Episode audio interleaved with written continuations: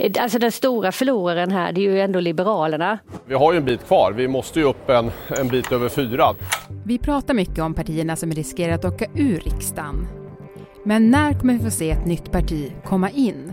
Så Sverige kan få ett nytt parti då i, i riksdagen 2022? Mycket sannolikt.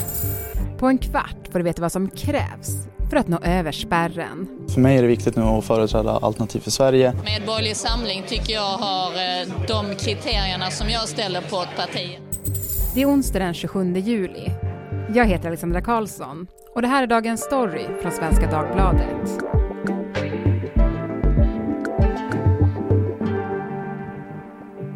Per Karlsson, politikreporter här på Svenska Dagbladet. Halloj! Hallå, hallå! Hallå! En stor fråga i politiken inför valet, det är ju om Miljöpartiet och Liberalerna ska åka ur riksdagen. Det pratar vi ju väldigt mycket om. Men idag ska vi prata om det motsatta, nämligen när ett nytt parti kommer komma in i riksdagen. Blir det i september? Det är tråkigt att förstöra podden direkt, men, men jag tror inte det. Eh, och det kan man väl säga utifrån att de, om man tittar på opinionsmätningarna nu så ligger alltså de övriga partierna runt ja, men knappt eh, på 2% Och om man jämför med, med, förra gången ett nytt parti kom in, Sverigedemokraterna, och kollar på den här tiden inför valet då 2010, då, hade de, då var de själva över 4% Alltså ett av partierna, eller ett parti då. Mm. Så att det säger väl någonting. Ja men det gör väl kanske det. Eh, men det här som du kallar då övriga partier som, som finns i opinionsmätningar, alltså vilka är de största övriga partierna just nu? Eh, man brukar prata om då Alternativ för Sverige, Nyans och eh, Medborgerlig Samling som säkert folk känner igen. Sen finns också, man kan väl nämna Klimatalliansen som är eh, Gudrun Schymans eh, nya parti. De ställer upp i riksdagsvalet också. Hon och eh, förra ärkebiskopen KG Hammar står, mm. toppar deras riksdagslista. Så att eh, jag tror inte de kommer in heller, men de finns där också. Mm. Eh, vi ska gå mer in på de här övriga partierna eh, i avsnittet. Eh, men först tänkte jag att vi skulle gå tillbaka lite grann i tiden då till när vi senast eh, fick in nya partier och hur det såg ut då. Men precis, man kan väl eh, egentligen se Sverige som att det väldigt, väldigt länge fanns eh, fem partier. Eh, och sen eh, helt plötsligt så kom Miljöpartiet in. Innan dess hade Alf Svensson suttit för Kristdemokraterna men det var genom ett så valtekniskt samarbete med, med Centern. Eh, Miljöpartiet kom in 1988, eh, sen åkte de ut i valet efter. Då kom istället Ny Demokrati eh, in och eh, Kristdemokraterna. Och sen kom eh, Miljöpartiet in igen i valet 1994 och då åkte Ny Demokrati ut. Jag tror att jag fått det rätt nu. Mm, ja, det var mycket där. Och, och, det man tänker på närmast egentligen, det är ju Sverigedemokraterna. Precis. För nämligen efter att alla de här kom in så skedde, då var det ändå liksom, då stabiliserade sig på, på sju partier. Och sen 2010 eh, så kom Sverigedemokraterna in då.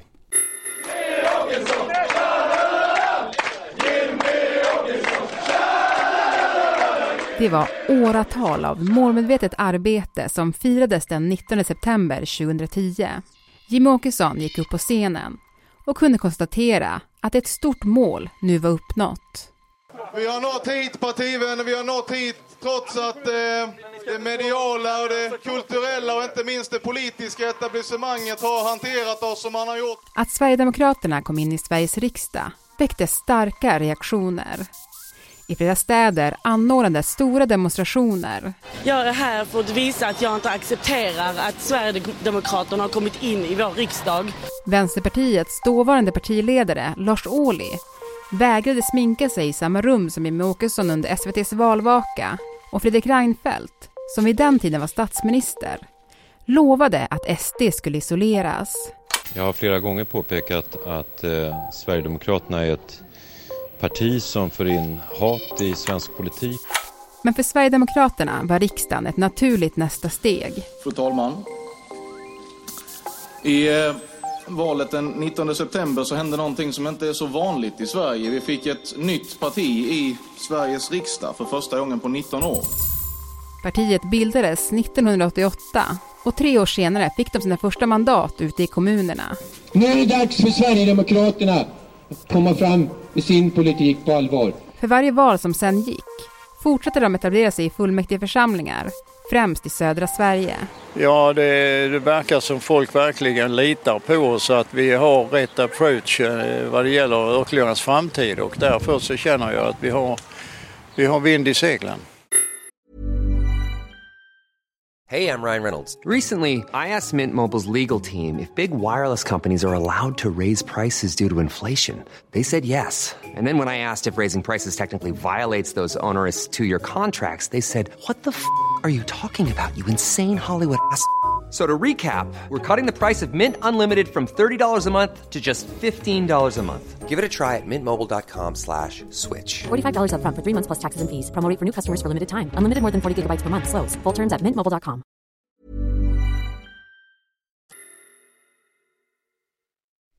Men att Sverigedemokraterna 2006 fick så pass mycket röster att de, de kom inte in i riksdagen men att de fick statligt partistöd. Det menar ju många var väldigt viktigt för att fortsätta att bygga, eh, bygga partiet. De eh, använde ju också de pengarna att de ofta gick, liksom, man samlade in dem och det gick liksom centralt, att man kunde använda det eh, för partiet, alltså även de pengarna som, som kom in via kommuner och sådär. Så att man kunde bygga organisationen eh, långsiktigt. Det var väl en, en av förklaringarna till att de kom in, utöver eh, flera andra såklart. Mm. Ja, men mm, de, de jobbade ju verkligen långsiktigt, Sverigedemokraterna. Eh, och när de kom in i riksdagen så var ju inte invandringskritik särskilt stort bland de andra partierna. Ehm, alltså, är det så idag att man måste satsa på en specifik fråga för att komma in i riksdagen? Det är ju svårt att säga, alltså man måste klart att man måste ha någon, någon USP varför man ska rösta på på just ens eget parti då om man vill starta och inte de andra liksom etablerade partierna som finns som har liksom inarbetade som man kanske litar på, man vet att de kan göra jobbet, de vet hur det fungerar i riksdagen och allt sånt.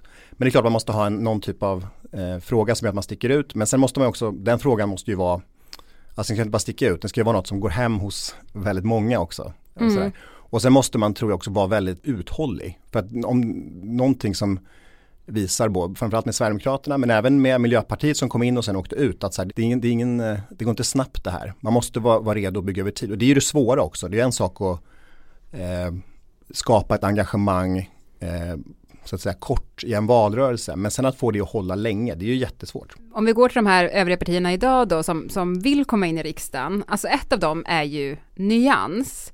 Ehm, och de vill ju verkligen fånga upp en grupp som de inte tycker är representerade i riksdagen idag.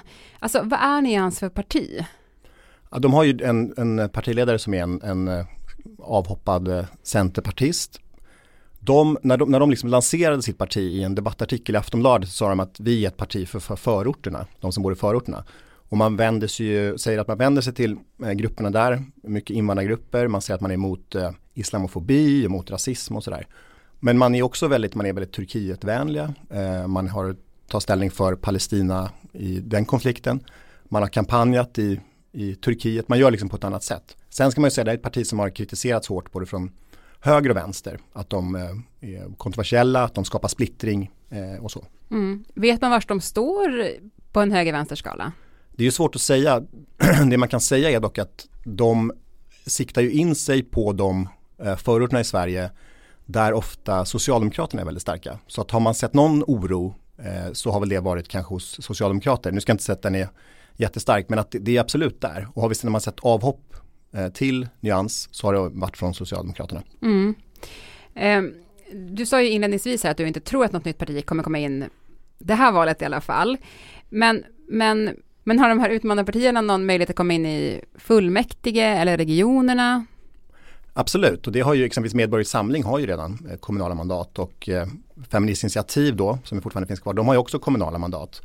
Och Alternativ för Sverige, de eh, lyfter gärna fram att de kom in i kyrkomötet då efter, efter senaste riksdagsvalet. Det krävdes inte så mycket ska sägas för att göra det. Men så att det finns ju, de, några av dem finns ute i kommunen redan, men, men väldigt lite då. Ja men och jag tror kanske också vi ska säga, eller försöka beskriva hur svårt det är att komma in i riksdagen. För senast vi hade ett parti som var på väg in, det var ju 2014 med Feministiskt initiativ och de gick ju superbra där i valspurten, de var väldigt nära, men kom ändå inte in. Så att, hur svårt är det? Jo men det är jättesvårt, alltså, man ska väl komma ihåg då, det är från, från 2014, att det var ju det som då kallades för supervalåret. Och då eh, var det ett EU-val på, på våren eller innan sommaren. Och där gick det då väldigt bra för Fi, de kom in. Och sen skulle man då ta med sig den här energin, eller man hade ju möjlighet att göra det. Och man fick ju jättemycket medieuppmärksamhet, man hade Gudrun Schyman, ett, ett, eh, som många tycker är starkt kort och ändå så gick det inte. Så det visar väl eh, på något sätt hur svårt det är. Jag är medveten om att det här är väldigt mycket pengar. Det här är väldigt mycket pengar för väldigt många människor. Det är väldigt mycket pengar för mig. Det är väldigt mycket pengar för oss i Feministiskt initiativ. Det är morgonen den 6 juli 2010. Mitt i politikerveckan på Gotland. På Hamnplan i Visby stod Gudrun Schyman framför en mängd kameror. Fem år tidigare har hon varit med och startat Feministiskt initiativ. De här pengarna har vi fått som en gåva för att uppmärksamma den frågan som står högt på vår dagordning, nämligen lönediskrimineringen. 100 000 kronor i hundralappar bärs in i en genomskinlig påse. Sen bränns de upp. Jag tror att många blir provocerade. Jag är provocerad själv av att stå här och elda pengar. I sin hemkommun Simrishamn gör Gudrun Schyman samma år ett succéval. Men valet till riksdagen blir en flopp. Partiet samlar bara 0,40 procent av rösterna. Fyra år senare, sommaren 2014, är partiet starkare än någonsin.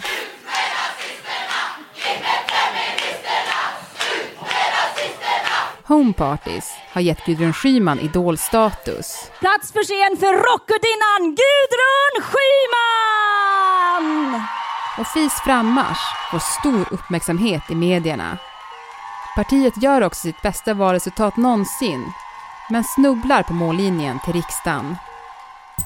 Feministiskt initiativ var ju nära att komma in, men det lyckades aldrig nå ända upp till 4 spärren utan stannade på 3,1 och kom därmed inte in i riksdagen. Om man generaliserar kan man säga att luften går ju lätt ur när man satsar allt och sådär. Sen har ju de suttit i, eh, varit representerade både i Stockholm och Göteborg och har ju såklart funnits men det har aldrig blivit riktigt samma grej. Gunnar Schyman har dragit och det kan ju vara så att man kanske har, eh, skulle kunna vara så, att man har kanske bara en chans. Det är väldigt svårt att, eh, att eh, vara väldigt, väldigt nära. Det som talar emot det är ju då exempelvis Sverigedemokraterna, men de har ju byggt under så himla, himla lång tid längre än, än Fi. Så Per, om man nu är ett parti som vill komma in i riksdagen, vad ska man göra då? Man måste förstå att det kommer vara väldigt, väldigt svårt. Det är inte så många som har lyckats. Det har ju skapats en hel del jävla partier i Sverige, alltså historiskt. Och mm. de flesta har ju inte ens varit i närheten av att komma in i, i riksdagen.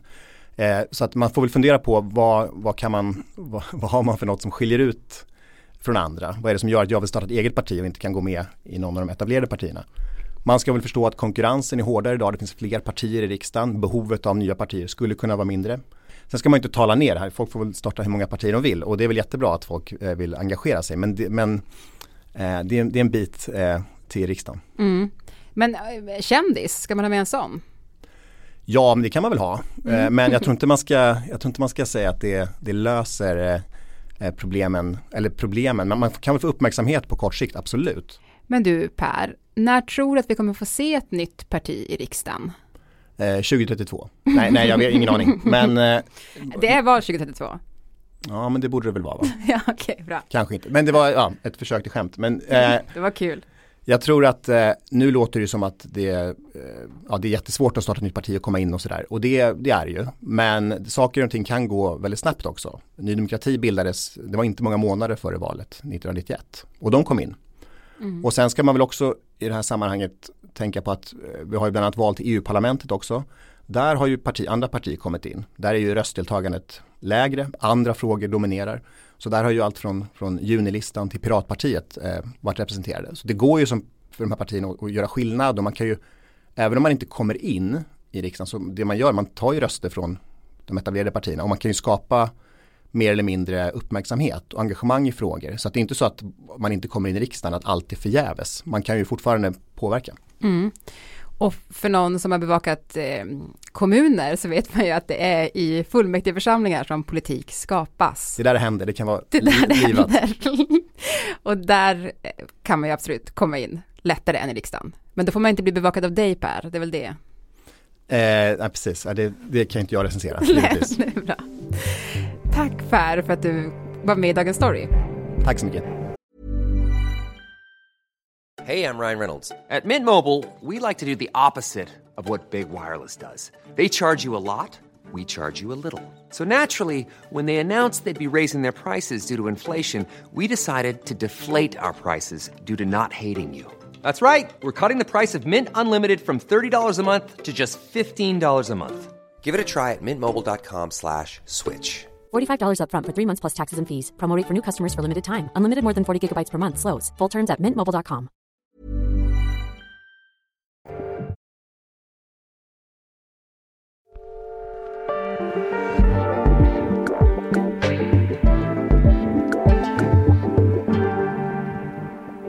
Vi som gjorde programmet idag är producent Martina Piero. Redaktör var Teresa Stenler från Matern. Och jag heter Alexandra Karlsson. Vill du kontakta oss så mejla till dagensstory.svd.se. Klippen i programmet kom från Aftonbladet, SVT, TV4, Expressen, Feministiskt initiativ och Sverigedemokraternas valvakor.